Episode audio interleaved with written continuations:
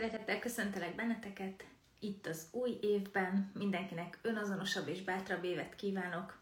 Ez itt az Amiről nem beszélünk podcastnek a light verziója, amit egy traumasorozattal indítottunk, a traumáról szóló öt részes sorozat utolsó részéhez érkeztünk. Kezelési és terápiás lehetőségekről fogunk beszélni, ami a traumával kapcsolatos, olyan módszerekről, amit arra dolgoztak ki, hogy a traumáinkat fel tudjuk dolgozni, ezek pszichológiai értelemben vett traumák természetesen. Ezt az élő sorozatot Szirtes Lilivel tartom, remélem, hogy mindjárt itt lesz, most hirtelen még nem látom, és meghívom őt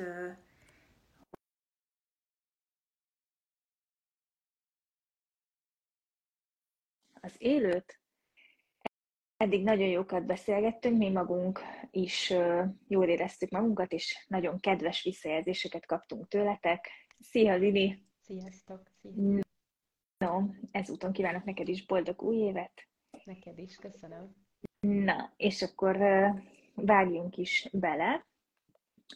Um, egyrészt, ahogy itt készülgettünk erre a sorozatra, beszéltünk már többször arról, hogy én úgy látom, vagy nagyjából úgy csapódott le bennem, hogy hát ezt nem tudom, hogy te mióta foglalkozol ezzel a területtel, egyáltalán nem emlékszem, hogy ezt valaha megkérdeztük volna egymástól, de hogy mintha én így egy picit régebben merültem volna el benne, te meg most a, sokkal inkább a modern megközelítésben vagy jártas, és hogy ennek a kettőnek így, nem tudom, hogy ez így van de így érzékeltem, ennek a kettőnek így a meccéspontjairól tök jól tudtunk eddig beszélgetni, és itt pont ezért, hogy azt látom, hogy te a modern megközelítéssel sokkal inkább tisztában vagy, ezért arra gondoltam, hogy ezt a mai alkalmat kezdhetnénk azzal, hogy a modern, elsősorban a, a testorientált módszerek felől kezdjük, és akkor utána áttérünk majd a többi lehetőségre is. De hogy kezdhetünk valami általánosabbal is ehhez képest. Mm. Nem tudom, hogy a többieket érdekli, de, e, de akkor most így beszúrnál, vagy válaszolnék Igen. erre a felvetésedre, hogy mióta foglalkoztat ez a, ez a téma, tehát a trauma, meg a, meg a traumaterápiák, uh-huh. és ennek azért ilyen nagyon régre visszanyúló gyökerei uh-huh. vannak, mind a mellett, hogy igen, így az egyik legújabb vagy legmodernebb, bár már az is több évtizede van megalkotva az EMDR módszerével, dolgozom a saját praxisomban, de de hogy a, az én kapcsolatom ezzel a témával az körülbelül ilyen 11-12 éves uh-huh. koromra nyúlik vissza. Családi, transgenerációs trauma okán a, az én felmenőim egy ágon holokauszt túlélők voltak, uh-huh. és nekem ez nagyon fiatalon vagy engem nagyon fiatalon elkezdett ezt foglalkoztatni ez a téma, és először nyilván szép irodalomban, meg, meg filmalkotásokban mélyedtem el, és utána, amikor már elkezdett a pszichológia betörni az életembe, akkor, akkor ezt már a tudományosabb oldalról is, tehát amikor volt lehetőségem az első műhely munkát még így azt hiszem másfél éve járhattam a pszichológiára, amikor az első műhely munkát meg kellett írni, és talán, de most lehet, hogy butaságot mondok, majd segítsetek, hallgatótársaim, volt hallgatótársaim, de hogy az első ilyen nagyobb ívű munkát én transgenerációs traumából írtam holokauszt túlélők hm. leszármazottaival készített interjúk alapján, tehát hogy nekem valahogy így odadatálódik, és akkor még így a modern traumaterápiás irányokról bennem szó nem volt, tehát nekünk a, a képzésben azért egy, egy nagyon analitikusan orientált tanári gárdánk volt, nagyon erre is fűződött fel, nagyon sokféle tanulmányunk, tehát például a kognitív vagy a modern irányok azok inkább a mesterképzésben is azt követően lettek közelebb állók hozzám, és nyilván az MBR-rel pedig a tanácsadó szakképzésben ismerkedtem meg. Mm, tehát hogyha így a, a klasszikus irányokat nézzük, akkor nekem így az a, az idézőjelben az alma máterem, tehát hogy így a pszichoanalízis, meg, a, meg az analitikusan orientált ö, irányzatok, ö, és nyilván utána rakódott ö, rá, a, ami, amiről te kérdeztél, de hogy, ö, hogy nagyon szívesen ö, kezdem én ezzel, amit, amit te felvetettél. És akkor csak most már, igen. igen, csak annyit akarok mondani, hogy most már akkor én is beszélek Jó. egy pár mondatot erről, mert így kedvet csináltál hozzá. Szuper. Nekem a mesterképzésen kezdődött ez inkább. A mesterképzésre már olyan tanárhoz és tanárokhoz jártam, akik addigra ebben már nagyon beleásták magukat, és ott hallottam először a traumáról, a trauma hatásairól, a trauma terápiájáról. Ez 2009 és 2011 között volt ott már mi ezt a három, hármas felosztást tanultuk, hogy mennyire fontos a stabilizáció, és aztán amikor, tehát hogy innentől kezdve én itt tanultam utána még három évig az egyetem után PHD hallgatóként, meg ott maradtam a szakképzésben, innentől kezdve a mesterképzéstől lesz a sok év egymás után, ez egy nappal átéve a traumáról szólt az életemben, nem tudom, hogy hogy bírtam ki, mert igazából elég megterhelő. Tehát így szóval minden nap ezzel foglalkozni, minden nap erről hallani, nagyon azt a látszatot keltette az ember életében, hogy ez mindenhol ott van, és egyébként nagyon sok helyen mindenhol ott van, de ez nem, ennyi, nem csak ez a része van az életnek. De egyébként nagyon izgalmas volt mesterképzésen a fogság pszichológiájáról tanulni, én ezt is nagyon szerettem. Szóval hogy olyan dolgokat, meg színeket hozott be ez a mesterképzésben már, ami különleges volt, vagy érdekes, vagy nem számítottam rá egyébként. És aztán egyébként az első, az e, legeslegelső kliensem úgy volt elsőre látszólag csak csak PTSD-s, hogy aztán számomra kiderült, hogy komplex ptsd -e is van, és akkor ott mm. találkoztam először azzal, hogy ha, ha elmondom a kliensnek, hogy fogunk arról beszélni, ami vele történt, akkor elszalad. Tehát, hogy mm. kiugrott a terápiából, vagy a tanácsadásból, és aztán néhány hét múlva visszajött, hogy mégiscsak szeretne ezzel dolgozni, és akkor utána megnyugtattam, hogy nem kell egyből ezzel kezdeni, de hogy ott nagyon sok, nagyon-nagyon sok minden volt. De hogy a legeslegelső belső kliensem az ezzel a témával. Úgyhogy nem nagyon lehet ezt megúszni segítőként, minél inkább tényleg érdemes benne elmerülni. EMDF-t én is tanultam, megcsináltam a két képzést, ami ezzel kapcsolatos, meg a szupervíziókat, csak én azóta még ezzel nem mentem tovább. Mhm. De én például aktívan most nem használom a gyakorlatban az EMDR-t. Ellenben más módszereket, igen, az egyikről majd én is fogok egy kicsit beszélni. Na de akkor vágjunk bele. Mm, Oké, okay mivel beszélgetünk, ezért egy visszajelzést engedj meg, hogy azért első kliensnél mondjuk azt konceptualizálni már pszichológusként, hogy itt komplex PTSD-vel áll szemben, szerintem az egy ilyen nagyon szuper dolog, vagy hiánypótló, tehát hogy az, hogy a trauma lélektan elkezdett újra bekerülni a pszichológiai közgondolkodásba is, az azért szerintem egy néhány évre visszatekintő, viszonylag új keletű dolog, azért így a pszichológiában vannak ilyen trendek, tehát hogy mindig van egy téma, amit nagyon fölkap a, a, a közvélemény is, sokat beszélünk róla, cikkek születnek, könyvek születnek, és most a, a traumának van egy ilyen reneszánsza, vagy ennek a témának én nagyon azt látom, most így a, a pszichológiának a, a horizontján, de hogy ez nem az első ilyen, amikor a, a trauma témának reneszánsza van, tehát hogy ezt így megelőzően évtizedekkel, meg Ugye mm, azért itt most már több mint egy évszázada beszélünk arról, hogy így mit is jelent traumatizáltnak lenni, de hogy, hogy azt gondolom, hogy itt a pszichológusok körében is azért a, a trauma témának az elmúlt években lettek ilyen kibontott szakszavai, meg, meg felismert jelenségei, és az, hogy már egy praxis úgy tud elindulni, hogy valakinek van erről képe, vannak szakszavak, van tudása, van a dinamikáról egy elképzelése, és hogy nem vakon van, mert hogy simán el lehetne képzelni, hogy egy pszichológus bizonyos témákban vakon van, a saját kompetencia határait így viszont nagyon nehezen tudja felismerni, az szerintem egy Hát ez egy nagyon fontos dolog, hogy, hogy ez, ezzel te rendelkeztél már ezzel a tudással, meg hogy a képzés ezt megadta számodra.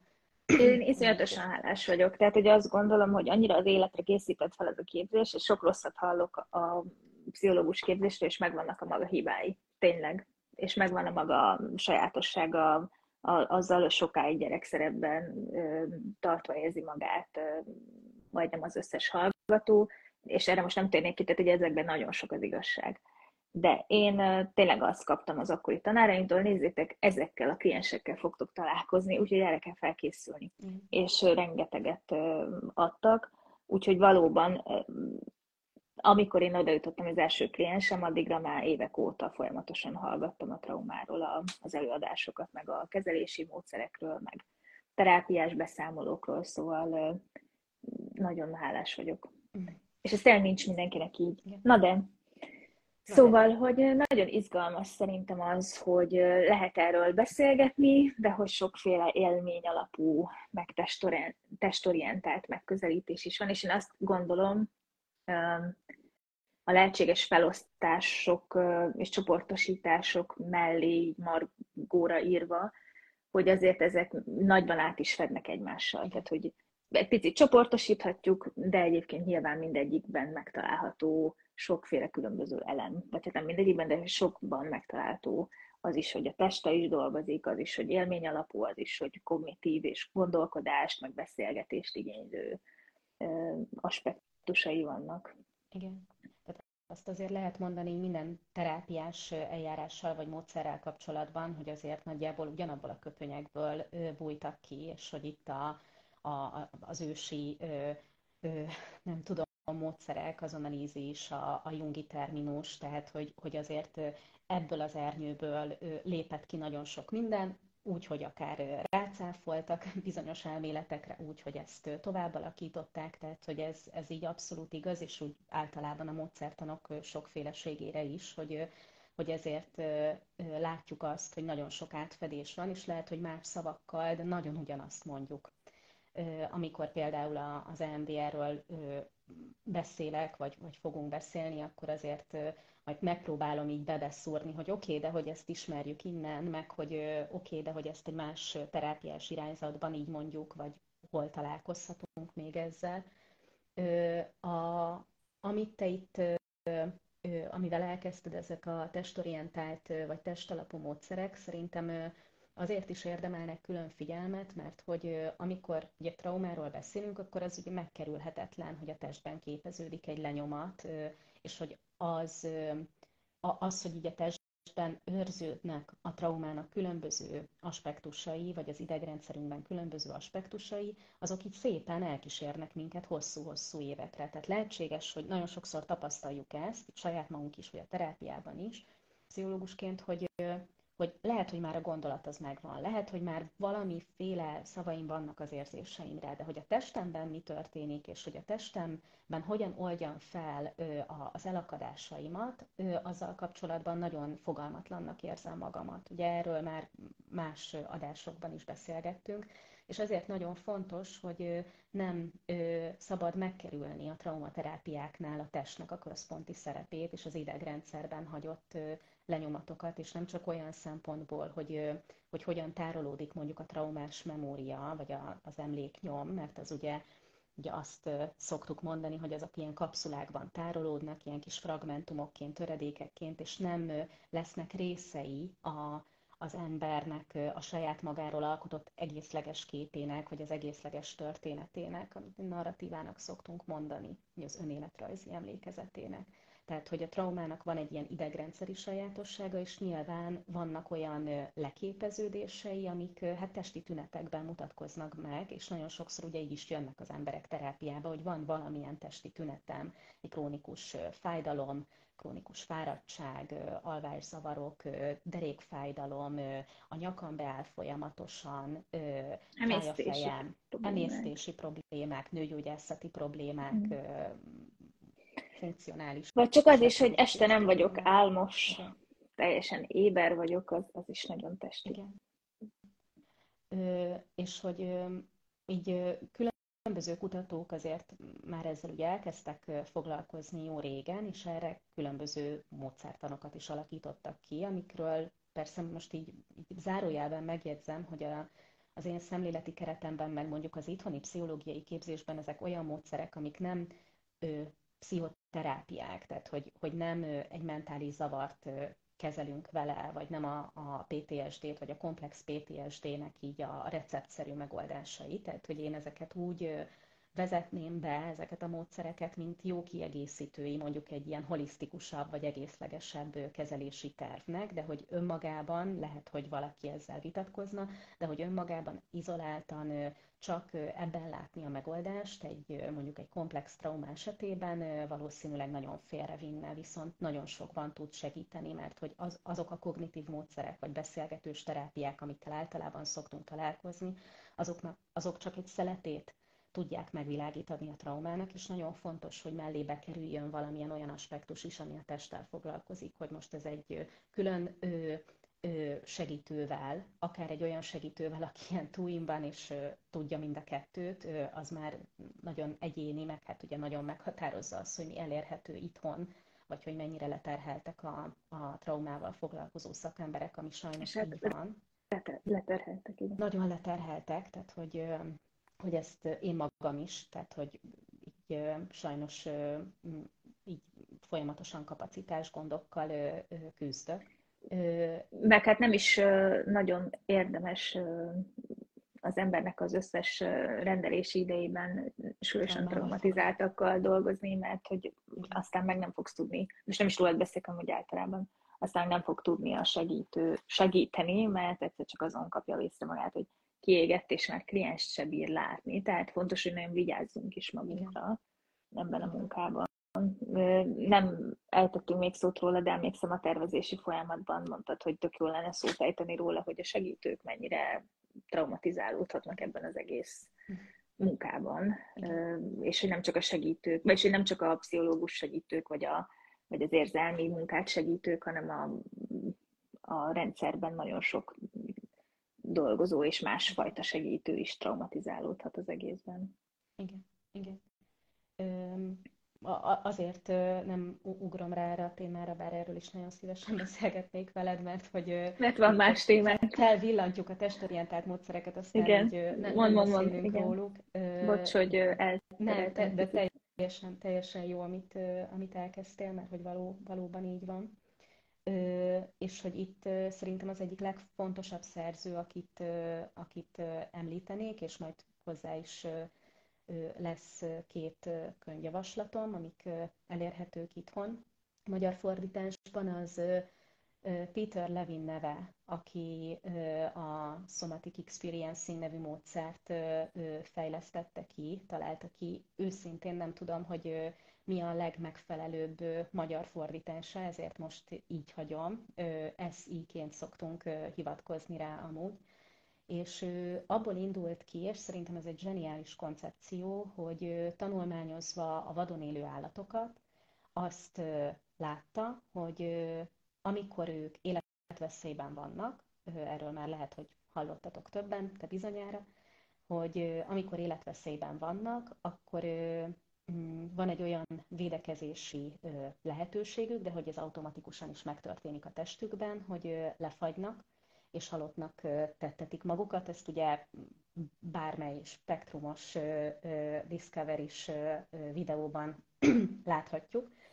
Viszont ami ezután következik, az a nagyon érdekes, hogy amikor viszont elmúlik az életveszély, mert ugye ez azért is történik, hogy a, az őket üldöző állatot hát így egy érdektelenségbe vigyék, tehát egy, egy halott állat nem annyira felhívó jellegű egy, egy vadászó állatnak, hogy miután az életveszély elmúlik, tehát a, az üldözője eloldalog, vagy valamilyen érdekesebb zsákmányállat után néz, hogy így a testben elindul egy, egy lassú feloldódás, és hogy ezt az állat testében olyan módon láthatjuk, hogy elindul egy enyhe remegés, ami egyre inkább fokozódik, és ebből a remegésből ö, kialakul egy oldódás, és utána felpattan az állat, és megy tovább, mint hogyha kvázi mi sem történt volna vele. Azért mondja Levin, tehát hogy az volt a megfigyelése, hogy a vadon élő állatok egyszerűen nem tudnak traumatizálódni a, a, az őket ért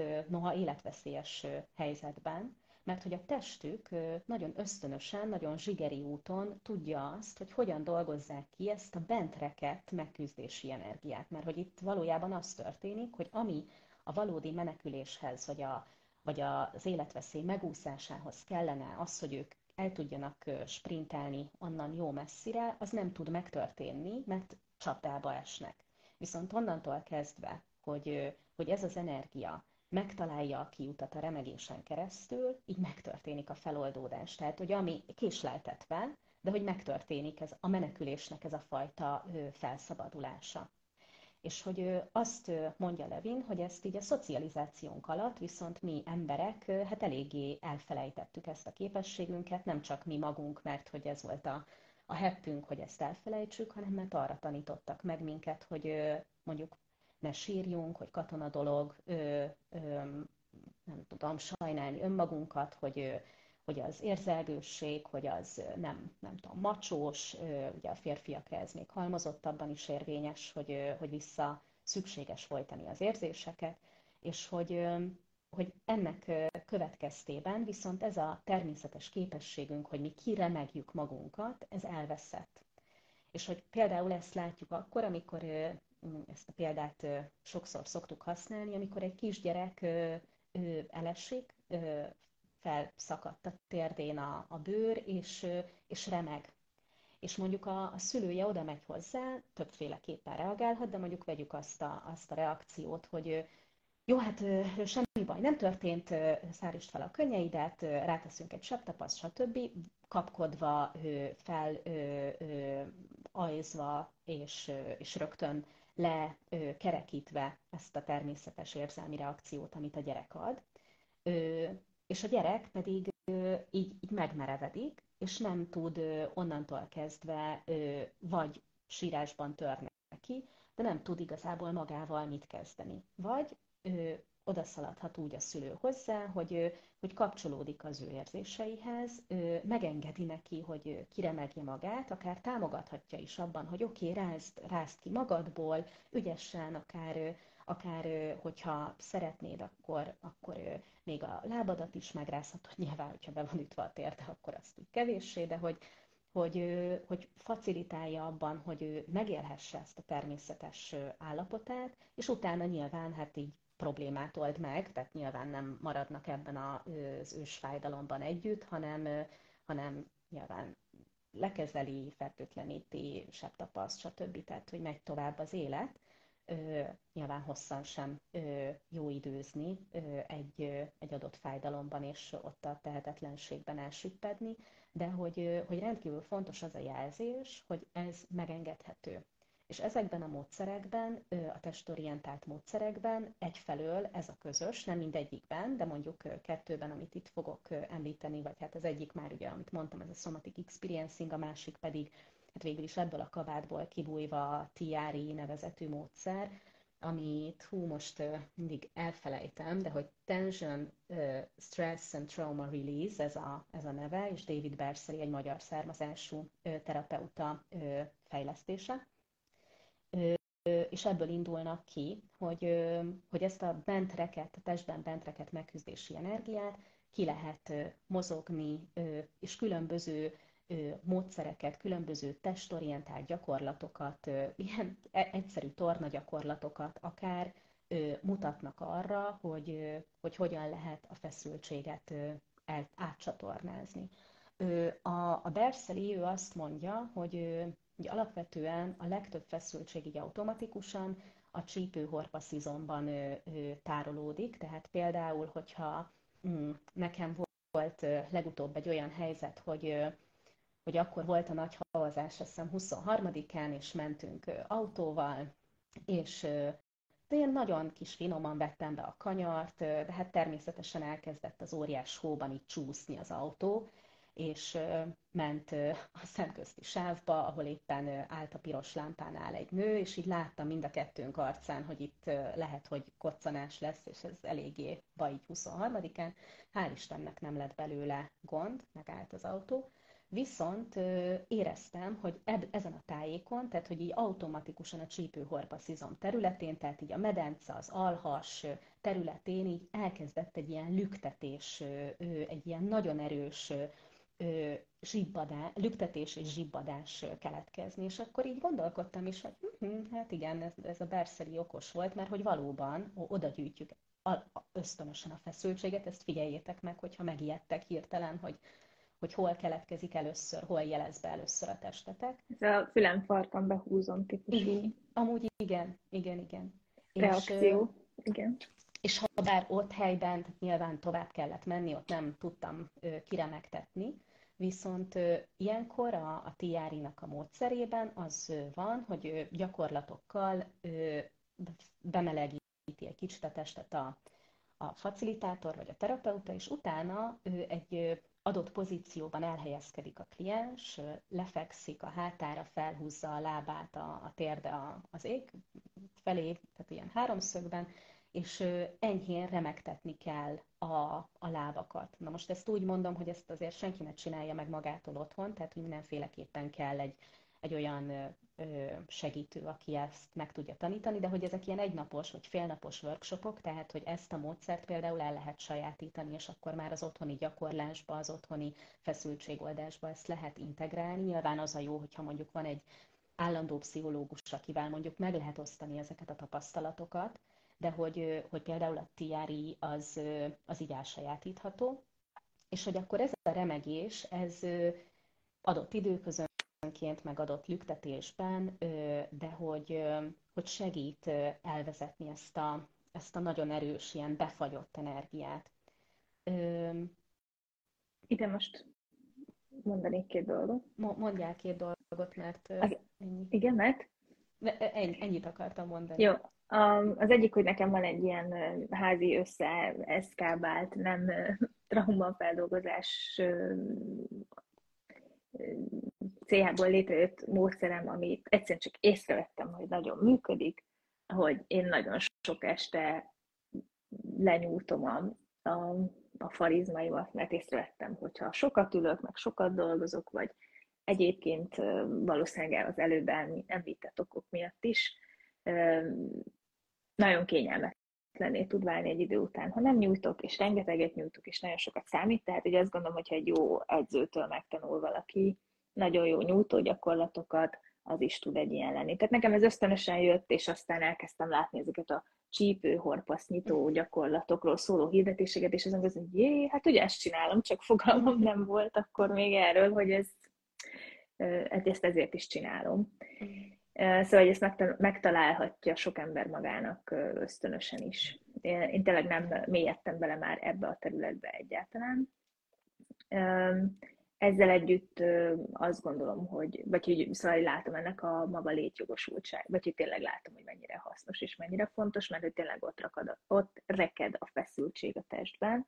És amit meg el akartam még mondani, az az, hogy ez a tetszalott állapot, ez mennyire a mindennapok részévé válhat a, a traumatizáltak életében, úgyhogy nem is tudják. Szóval, hogy erről akartam egy kicsit mesélni. Ahogy a múltkor az üvegfalas hasonlatot elmondtam, most szerintem erről is érdemes egy picit megosztani pár gondolatot, hogy hogy ez az, ez az állapot, ez nagyon közeli, vagy hát, hogy körülbelül olyan, mint ez a lefagyottság, hogy, hogy valahogy érzékelhetitek magatokon, hogy hát nem is tudom, hogy mondjam, hogy, hogy van egy meglassultság, egy inaktivitás, egy passzivitás, egy nem annyira érzem, hogy itt van a testem típusú állapot, hogy itt van a jelenben, és hogy ezt tényleg, ha elképzelitek, vagy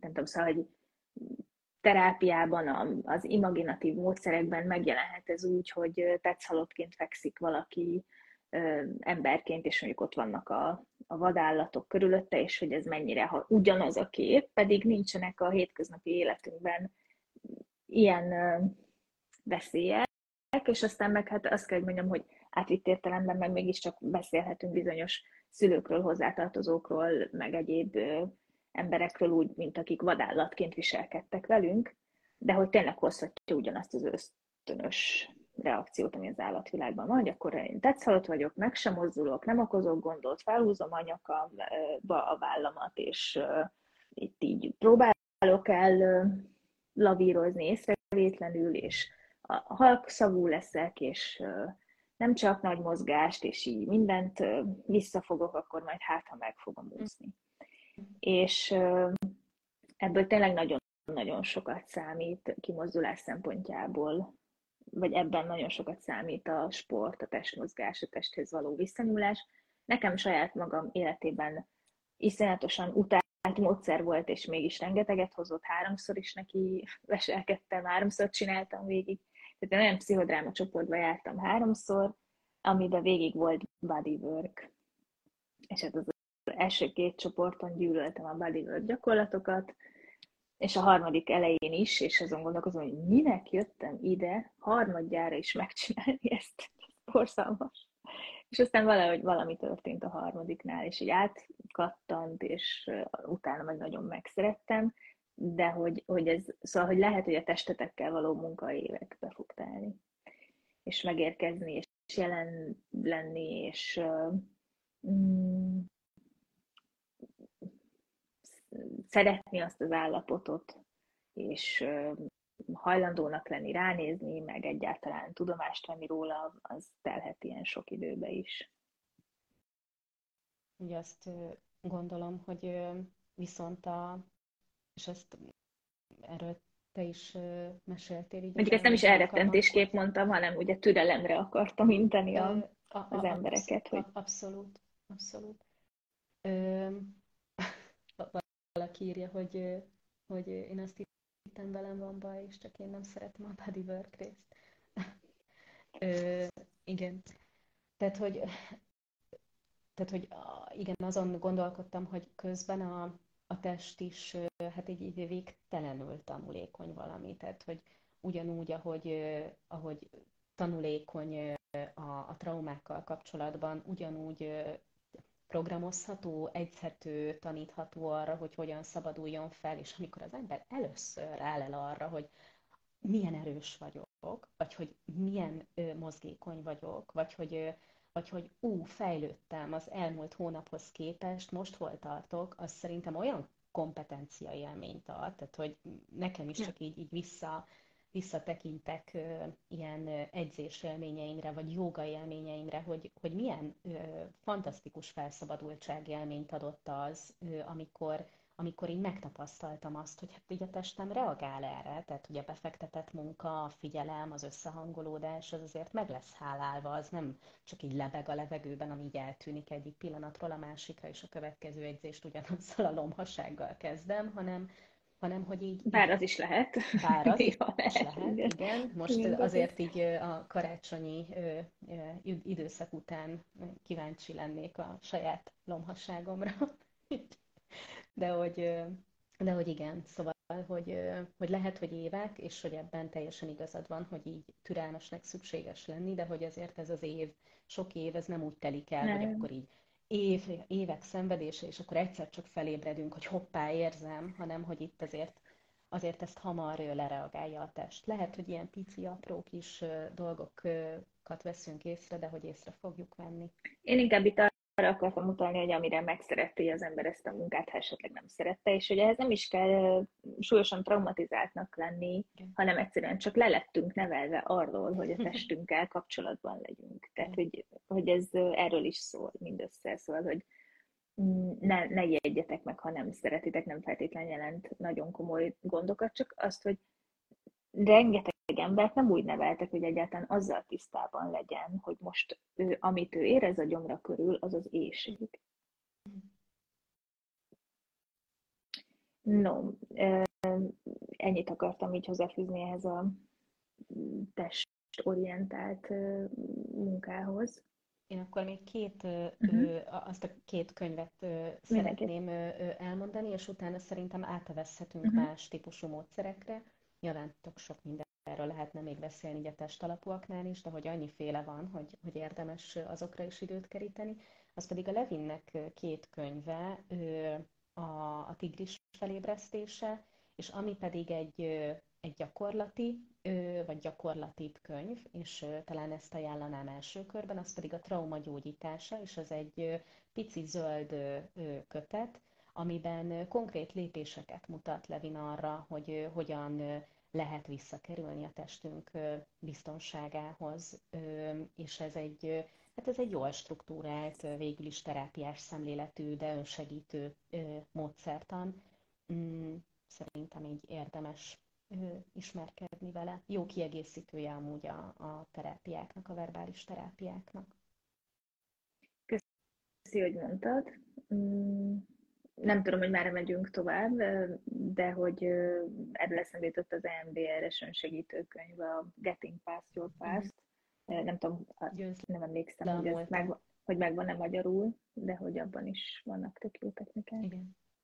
Igen, igen. Beszéljünk egy kicsit az EMDR-ről, hogyha már Szerintem igen. behoztad, mert hogy nyilván erről tudok leghosszabban beszélni, szóval egy ponton majd, ahogy az EMDR-ben is van, van egy stop jelzés, légy szíves, akkor egyértelműen azért, Szerintem ebben azért egymásra találtunk, mert noha én most nem használom a munkámban aktívan, de hogy én is elég hosszan tanultam ezt, úgyhogy azt gondolom, hogy rendkívül jó hasonlat volt a képzésen, amikor én voltam, hogy valaki azt mondta, hogy ez a módszer egy precíziós mélyfúró, tehát hogy elkezdjük valami nagyon jelentéktelnek tűnő dologtól a beszélgetést, és egy pillanat ott tudunk lenni a, a gyerekkori gyökerénél, és Hát a megfelelő előkészítést és stabilizációt követően ez egy tényleg precíziós mélyfúróval felérő módszer.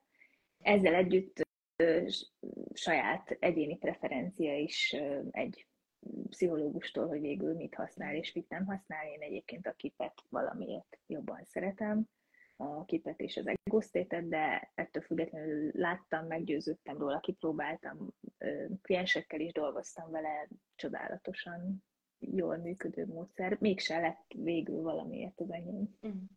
De nem, Igen, semmi negatívot nem tudnék elmondani, nem azért. Mm. De ugyanígy vagyok, csak For, fordítva. Fordítva, a, igen, a, ezt nem beszéltük. A, a képpel és az egosztétel, mert ezt én is tanultam az Integratív Egyesület égisze alatt, és, és el is végeztem, szóval, hogy, hogy így minden, minden lehetőségem meg lenne arra, hogy ezzel dolgozzam, és ritkán dolgozom vele. Mm. Tehát, hogy van, van erre példa, de, de hogy érdekes, hogy nekem az EMDR lett ennyire, ennyire közeli, de hogy mm, szerintem így, így változunk, meg így változik az élet. Még ez is változhat, Tehát, hogy, a, hogy lehet egyszer majd cserélünk. Igen. Ö, szóval ö, tehát az MDR az azért is mondtam, hogy igen, ez modern terápiának tekinthető, de hogy alapvetően azért ezt nem most lett kitalálva, így a 21. században, nem a 20. századnak így az utolsó negyedében alkotta meg Francine Shapiro nevezetű pszichológus Amerikában, és hogy mindig úgy szoktuk elkezdeni, amikor így erről beszélünk, és szerintem ez ilyen tényleg ilyen frappáns így a története az egésznek, hogy ő ugye a, így el volt mélyedve a gondolataiban, és sétált egy parkban, és nézte a körülötte lévő fákat, és hogy, hogy nagyon foglalkoztatta ez a kérdés a saját betegségével, a saját testi állapotával kapcsolatban, és hogy azt vette észre, hogy így ritmikusan, így a fák ágain, levelein ingáztatja a tekintetét, és hogy ebben az ingáztatásban ő azt is megfigyelte, hogy elkezd csökkenni a, a gondolataival kapcsolatos feszültsége, és hogy akkor ez elkezdte foglalkoztatni, hogy hát végül is mi történhetett,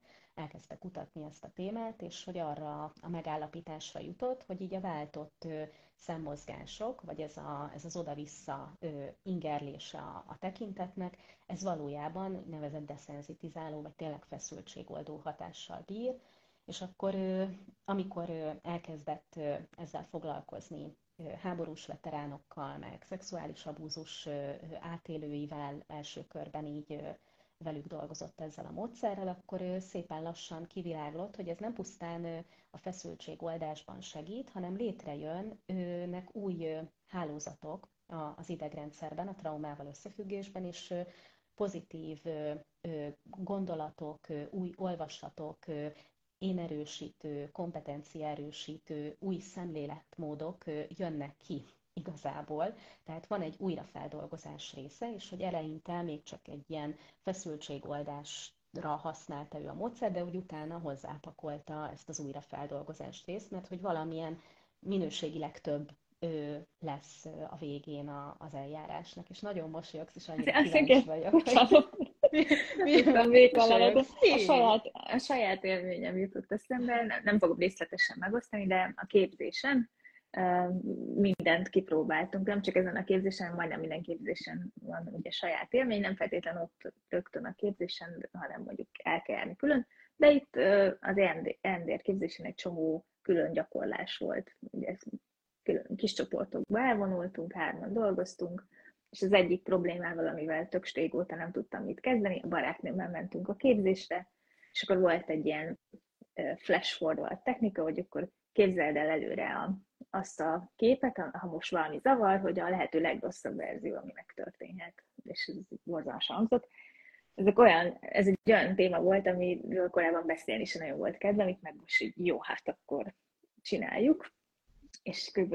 három perc van röhögtem, hogy így, úristen, ettől ez volt a bajom, hát ez nagyon vicces, és hogy így úgy átkattant valami annyira más narratíva, hogy így évekre megoldódott ezzel az egy gyakorlással egy problémám. És hogy ez így, szóval tényleg csodálatos, úgyhogy én ezt így nagyon szívből tudom amúgy ajánlani.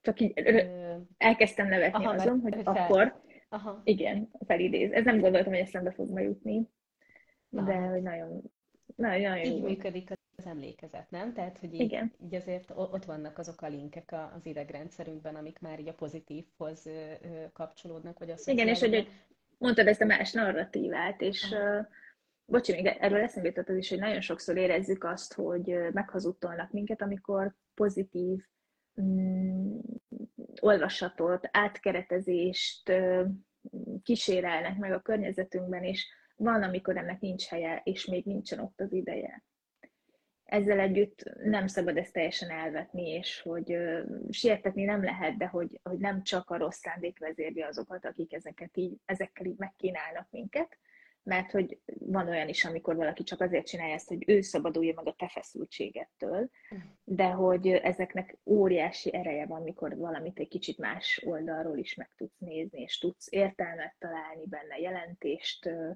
adni neki, és hogy ezektől azért nem szabad teljesen elzárkózni, vagy elvágni magunkat, vagy elítélni csak azért, mert hogy lehet ezt egy toxikus pozitivitásként is szemlélni, és hogy van ebben egy toxikus mérgező rész is, amikor tényleg nincs ott a helye annak. Csak hogy nem tudom, például eszembe jutott, hogy az Integratív Egyesületnél valamennyit tanultunk az NLP-ről is, ez a neurolingvisztikus programozás, ez körülbelül olyan, mintha hazugságok, mert hogy rossz olvasatban, mint a hazugságokat akar táplálni az agyadba egy pozitív felfogásra, vagy egy önfeldúsztolásra, és hát micsoda meghamisítása az a valóságnak, és ugye azt gondolom, hogy a megfelelő keretbe ágyazva ez egy az egészséges felnőttünknek a felerősítése, mozgósítása, de nem jelenti azt, hogy meghazudtoltuk a valóságot. Szóval, hogy módjával azt gondolom, hogy ezek nagyon fontosak vagy hasznosak. Ez egy kicsit eltért most a fő témánktól. Na de vissza az endérhez.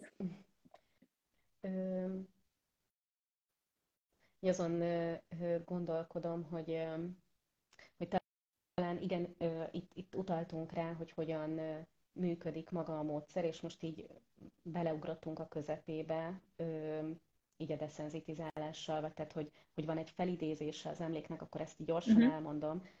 Van egy, ö, ö, onnan, onnan kezdem hogy van egy nyolc szakaszos protokollja az MDR-nek, ami azért egy elég meghatározott, eléggé jól struktúrált lépéssor, és itt az első három, az konkrétan a stabilizációra, az előkészítésre, felkészülésre összpontosít. Tehát ott már beszélünk a, a traumás emlékanyagról, de csak így meg érintjük a víz felszínét, tehát egyáltalán nem merülünk mélyre benne. Ez arra szolgál, hogy kvázi a kliensnek a, az anamnézisét, az élettörténetét, a fő pontokat az élettörténetében megismerjük, és feltérképezzük azt, hogy ő mennyire stabil a jelenben, és hogy mennyire képes egy úgynevezett nagyon fontos ez a kifejezés, egy úgynevezett kettős tudatosságra, tehát hogy egyszerre tud a múltban lenni, és egyszerre tud a jelenben lenni, tehát hogy egyszerre tudja fenntartani a figyelmét a két időség között, mert nyilván, hogyha csak a múltban lenne, akkor az könnyűszerrel elárasztaná, újra traumatizálhatná őt, tehát nem erre törekszünk, és nyilván, hogyha csak a jelenben van és érinthetetlen a, a traumatikus múlt, akkor könnyen lehetne azt mondani, hogy oké, okay, akkor még így valami diszociálva van, vagy elfolytás alatt, vagy vagy távol van a... Vagy észre se vesszük, hogy van trauma anyag, mert így van, úgy tűnik, mert hogy annyira, lenne. igen, uh-huh. díszletek vagy fátyol mögött van. Tehát, hogy, hogy ez az első három szakasza ennek a nyolc lépéses protokollnak, ez azért erre fókuszál, és erről szoktuk azt mondani, hogy a stabilizáció akár hónapokat, akár egy évet is igénybe vehet, tehát hogy ez nem megkerülhető, és az EMDR sem úgy kezdődik, hogyha van egy nagyon nagy elakadás, akár krízisben van a személy, rögtön beleugrunk a, a folyamatba, ebbe a feszültségoldó folyamatba, amiről mindjárt fogok beszélni, hanem, hanem van egy megmunkálás, van egy folyamatos stabilizációs munkamód. És hogyha ez megtörtént, akkor kezdődik el ez az úgynevezett deszenzitizációs feszültségoldó szakasz, amikor már konkrétan hát belenagyítottunk az emlékanyagba, tehát hogy általában a jelenből indulunk, amit mondtál is, hogy látszólag olyan súlytalan történetekkel találkozunk, de hogy ilyen visszatérő, ismétlődő kihívás helyzetek, amik a klienst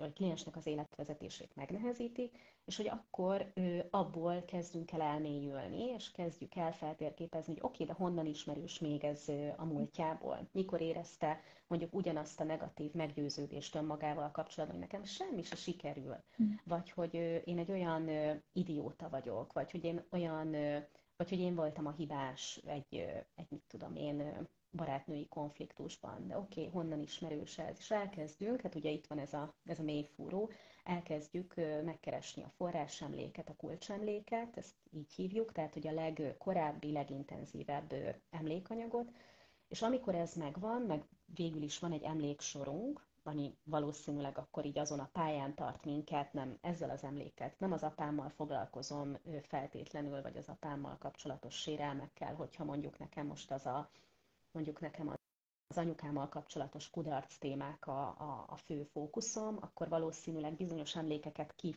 fogunk rekeszt, vagy kívülre fogunk rekeszteni, föltesszük a polcra, az majd egy következő emléksor lesz, most ezen dolgozunk. És ugye a legkorábbitól kezdve, ugye a hagyományos protokoll szerint a legfrissebbek felé haladva kezdjük el megdolgozni az emlékeket, olyan módon, hogy mindig csak egy picit merülünk el az emlékben. Tehát arra kérjük a klienst, hogy gondoljon magára az emlékre, miközben követi a, a kezünknek a mozgását, ezt vagy ezzel a mozdulattal érjük el, miközben a kliens szeme mozog egyik irányból a másikba, vagy más kétoldali ingerléses metódussal. Ez az EMDR-nek az egyik ilyen fontos ilyen specifikuma, vagy ilyen hatótényezője, hogy van ez a kétoldali ingerlés és egy ilyen 20-30 másodperces blogban idézi fel az emléket, miközben követi ezt a, ezt a szemmozgást, vagy ezt a, ezt a kézmozgást a szemével, és hát feljönnek asszociációk, feljönnek érzések, feljöhetnek testi érzetek, és, és ebből lehet, hogy valamilyen új is formálódik. És akkor mindig visszatérünk a jelenbe, megkérdezzük, hogy éppen most mi az, ami történt benne. Tehát, hogy a felnőtt jelenbéli én állapotát meghívjuk erre a válaszadásra, majd megyünk vissza az emlékbe, ahol azért ő sokkal gyermekibb, sokkal törékenyebb, sebezhetőbb állapotában van, azokkal az asszociációkkal, de lehet, hogy már minőségileg valami változik.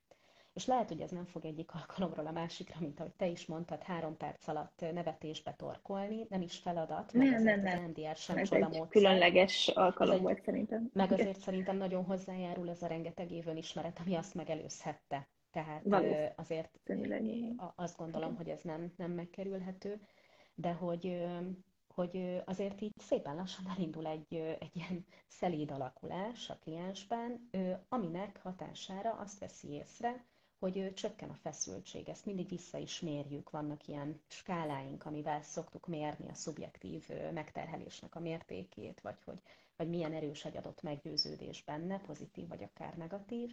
És, e, bocs. Ö, Csak annyi, hogy ezzel együtt azért ez egy tényleg gyors módszer. Tehát, hogy így a gyorsabbak közül való. Hogy, tehát hogy biztos, biztos azért te is tapasztaltál olyat, hogy most így nem a komplex traumákra gondolok, de hogy jönnek olyan, vagy nem a súlyosabbakra.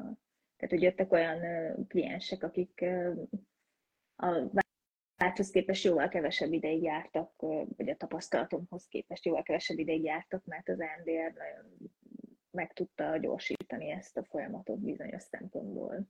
Igen. Ja, ez nem mindenkinél lehetséges, vagy nem is cél tényleg, csak hogy azt gondolom, hogy tehát súlyosságfüggés természetesen függ a kapcsolattól, függ a, az ellenállástól, a készségtől, az arra való készségtől, hogy akarok ezzel dolgozni, függ a súlyosságától, a, a, a komplexitásától a traumának. Tehát, hogy nem akarok ideális elvárásokat táplálni senkiben, csak összességében ettől ez egy tényleg gyors módszer.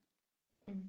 Ö, igen, azt azért még ehhez hozzáfűzném, hogy ami ilyen egyszerű vagy kis traumának tűnik, vagy, vagy tényleg egy körülhatárolt esemény, így első ránézésre, lehet, hogy azért Abszolút. megmutatja azt, hogy ennek vannak korábbi gyökerei. Tehát, hogy ezért óvaintenék mindenkit attól, hogy az EMDR-re vagy bármilyen ilyen módszerre úgy tekintsen, mint a bölcsek kövére, hogy akkor most ezt fogja megváltoztatni az életét, és hogy ez ilyen gyors kivirágzást ad, mert hogy azért én ritka esetben tapasztalom, hogy csak egy körülhatárolt traumával van dolog. Tehát, hogyha mondjuk, nem tudom, egy folyamatos krízis intervenciós munkát végeznék én, és mennék ki helyszínekre, balesetek elszenvedőivel dolgozni terepen, akkor valószínűleg azzal találkoznék, hogy a baleset emlékével tényleg viszonylag gyorsabb ideig tudunk, vagy gyorsabb idő kell pusztán ahhoz, hogy hogy feldolgozódjon, vagy valahogy helyre kerüljön ez az esemény. Tehát, hogyha mondjuk egy ilyen munkám lenne, akkor valószínűleg ez lenne a tapasztalat, de hogy azért nagyon sokszor megmutatják magukat így az összefüggő kis tétraumák, amik amúgy kirajzolnak egy komplex traumatikus hátteret, ami, hogyha mondjuk egy nyilván tanácsadásban egy mentálisan érett, nem zavarral, célzavarral rendelkező szeméről van szó, akkor is akár éveket vehet igénybe az MDR-rel való munka, szóval e, ez egy ilyen, ez egy ilyen ingoványos terület, de, de hogy igazad van, bizonyos tekintetben viszont nagyon rapid is tud lenni.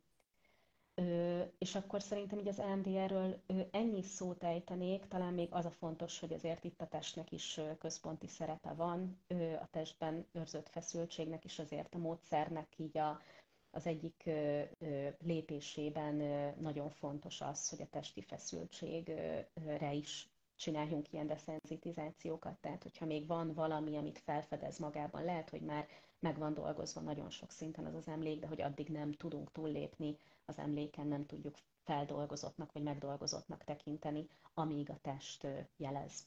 És hogyha a test már nem jelez, és ezt vissza is ellenőrizzük egy következő alkalommal, akkor lehet azt mondani, hogy oké, okay, megdolgoztuk, szuper, tehetünk a következő emlékre, ami abban az emléksorban van. Annyit szerintem két mondat erejéig hozzátennék, hogy tehát szerintem nem kell kifejteni, de hogy ebből a módszerből fejlesztették tovább a, a Brain Spotting Igen. nevű módszert. Én ezt egy alapképzés erejéig szintén megnéztem magamnak, és nagyon-nagyon tetszett a Brain Spottingban a, a teljes ráhangolódás a kliensre, hogy így hozzáteszem, szerintem ösztönösen sokan csináljuk ezt így az üléseken, hogy ennyire ráhangolódunk a kliensre, de ott ez nagyon ki van emelve, és annyira, hogy ha jól emlékszem, ott pont meséltek is egy ilyen történetet, hogy az egyik kiképző, vagy az egyik terapeuta, hogy rá se néz közben egyáltalán az órára mert hogy annyira se akar nem ráhangolódni a kliens, hogy kipillantson az óráról, vagy a kliensről az órára. És hogy mondjuk érdekes történetet hallottam azzal kapcsolatban, hogy a, a terapeuta annyira ráhangolódott a kliensére, hogy aztán egy demo, tehát nem is a kliensére, hanem csak egy, de, egy demonstráción a, a beleszemben tulajdonképpen tanuló szakemberre, hogy aztán nagyjából egyszerre büfiztek utána a gyakorlat után. Tehát, hogy így mind a kettőben ott volt ennek a, az ingere, vagy érzése, vagy nem is tudom, hogy fogalmazom, és aztán valahogy kb. így tényleg egyszerre könnyebbültek meg, és ha jól tudom, azután tudott megkönnyebbülni a terapeuta, hogy a, először a kliens, vagy a demóban a kliens játszó megkönnyebbült. Szóval, hogy nagyon érdekes ez a testi ráhangolódás, hogy pszichológusként vagy segítőként ez is mennyit hozzátesz, és hogyha mi dolgozunk szakemberként a feszültségein annak, ami történt a klienssel, és mi feldolgozzuk, megrágjuk, elvisszük szupervízióba, gondolkozunk rajta, összerakjuk, konceptualizáljuk, nem tudom, értelmezzük, értelmesebbre gyúrjuk magunkban, azzal rengeteget tettünk azért, hogy ez a kliensben is tudjon megtörténni. Az a baj, hogy mindjárt lejár a mai alkalmunk, és hogy egyáltalán nem fejeztük be ezt a beszélgetést. Szerintem egy picit még beszél. Igen?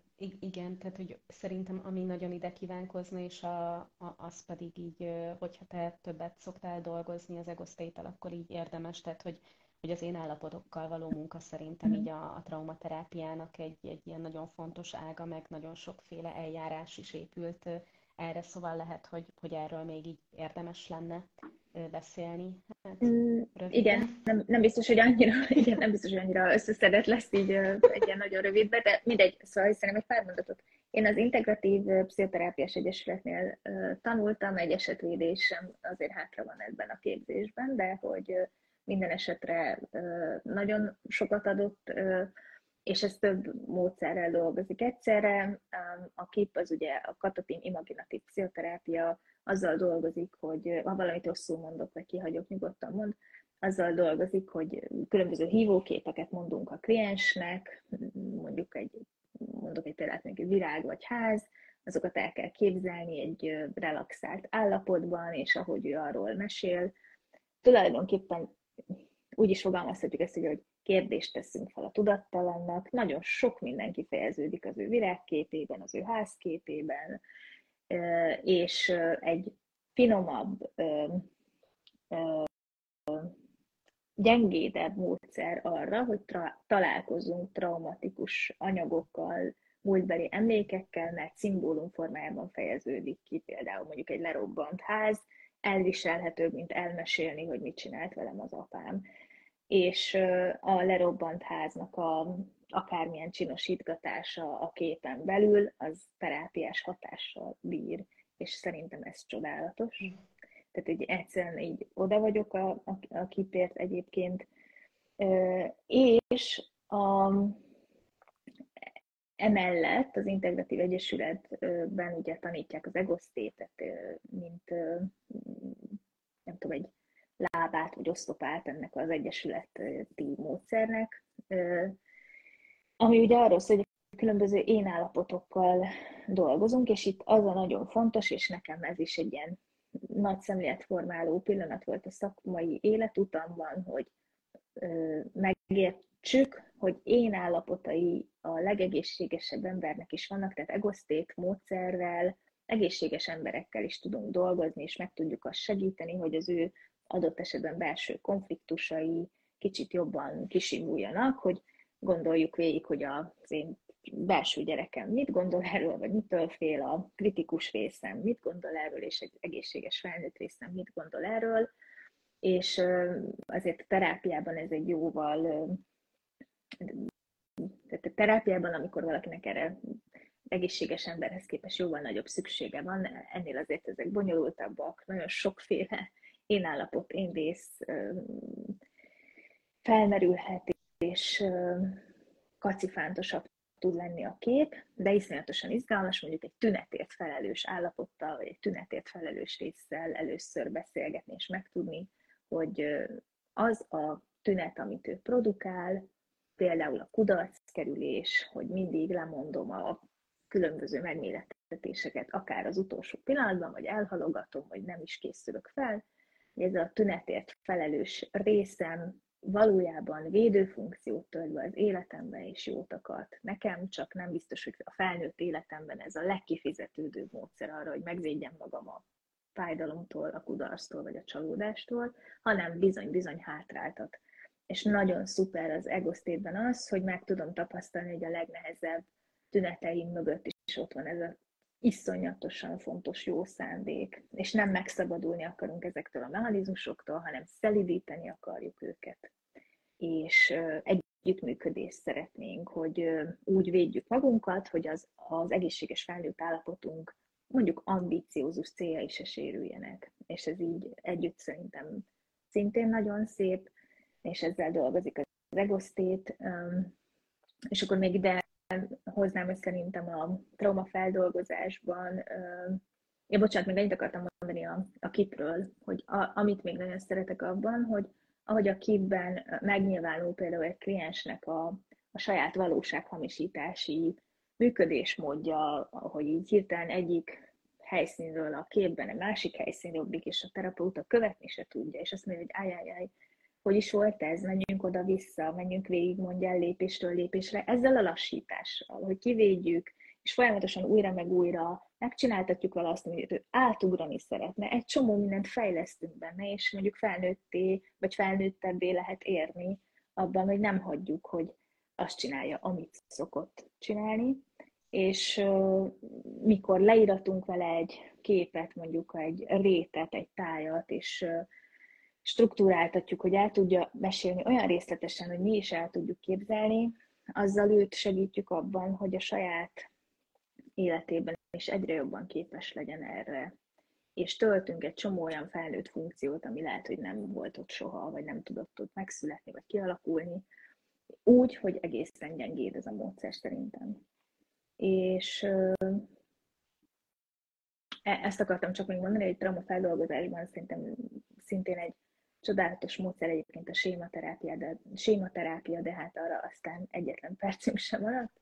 Minden esetre ott séma módokkal dolgoznak, ott is van imaginációs munka, visszamegyünk a múltba, mint az EMDR-nél, egyébként a kibben is vissza lehet menni egy múltbeli emlékhez. Ez a három módszer, én mindéket valamilyen mértékben tanultam, nagyon sok szempontból rokon és hasonló, és szerintem tök jól megfeleltethető egymásnak, és nem lehet szerintem igazán mellé fogni, bármelyiket választjátok.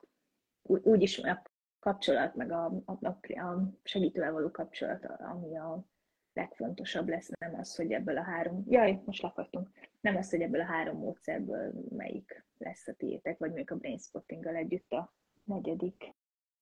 Itt vagy? Igen, igen.